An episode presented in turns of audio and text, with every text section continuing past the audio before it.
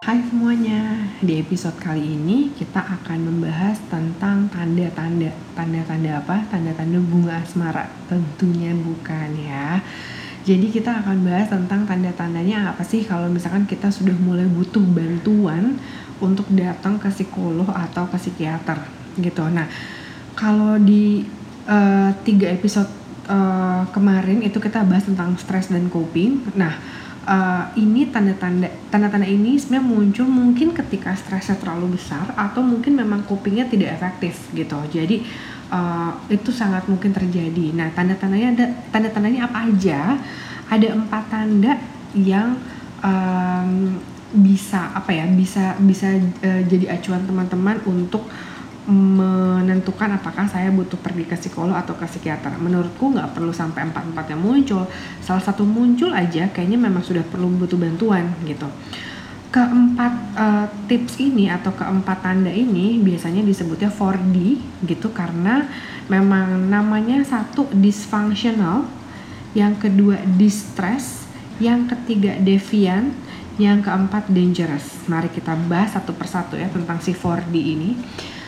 4D uh, eh, yang pertama itu adalah dysfunctional atau tidak berfungsi secara optimal. Jadi maksudnya gimana?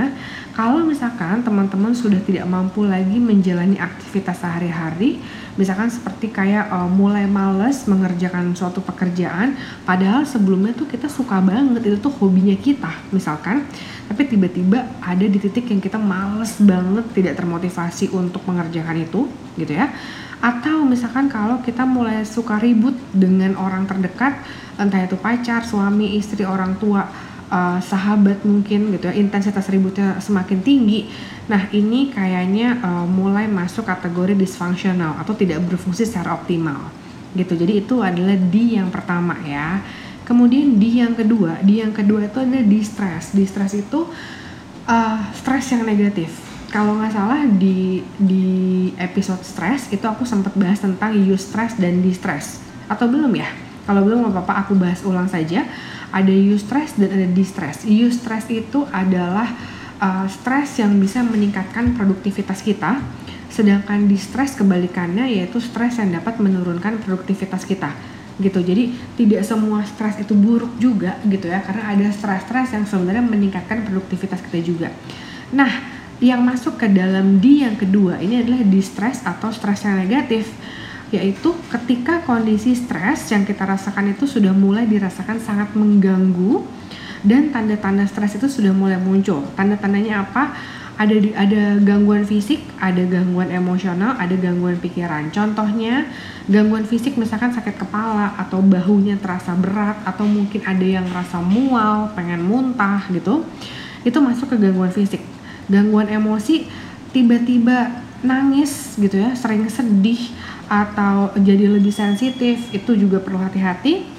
Gangguan pikiran misalkan mulai sering berpikir negatif, overthinking, berpikir bahwa dirinya tidak berharga, yang kayak gitu itu masuknya ke gangguan pikiran tiga-tiganya tidak perlu harus hadir semua, tapi salah satu dari situ sudah hadir atau mungkin uh, salah dua itu sebenarnya udah masuk ke dalam uh, tadi kita kita kena di stres tuh, kita kena uh, stres yang negatif gitu ya.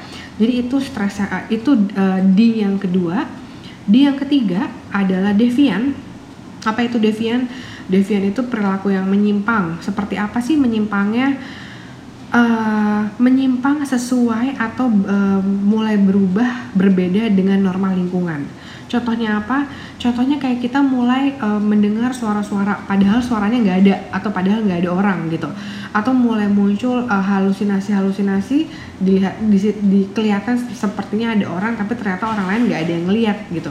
By the way tolong dibedakan dengan six sense ya teman-teman. Kita tidak berbicara tentang itu tapi kita bicara dulu tentang uh, sisi psikologisnya Oke, okay? nah itu adalah di yang ketiga. Nah, di yang keempat yaitu dangerous. Dangerous itu adalah perilaku yang berbahaya. Seberbahaya apa? Hmm, kalau perilaku atau perasaan kita berujung pada sesuatu yang berbahaya sepertinya eh sepertinya seperti menyakiti diri atau mulai berpikir untuk uh, suicide gitu ya.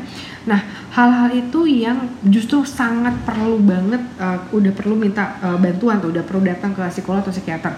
Lagi-lagi seperti aku jelaskan di depan, tidak perlu empat-empat yang muncul, salah satu aja muncul itu sebenarnya kita sudah bisa uh, uh, minta bantuan, datang ke psikolog atau ke psikiater. Begitu dari si 4D ini, jadi di yang pertama aku ulang lagi, di yang pertama itu adalah dis, sorry, di yang pertama itu adalah dysfunctional, di yang kedua distress, di yang ketiga itu ada deviant, di yang keempat adalah dangerous. Jadi hati-hati ya teman-teman kalau sudah mulai muncul salah satunya, yuk kita ketemuan. Oke, kalau ada masukan, ada saran, ada pertanyaan, silahkan uh, kirim email ke ana.desiana@gmail.com. Terima kasih.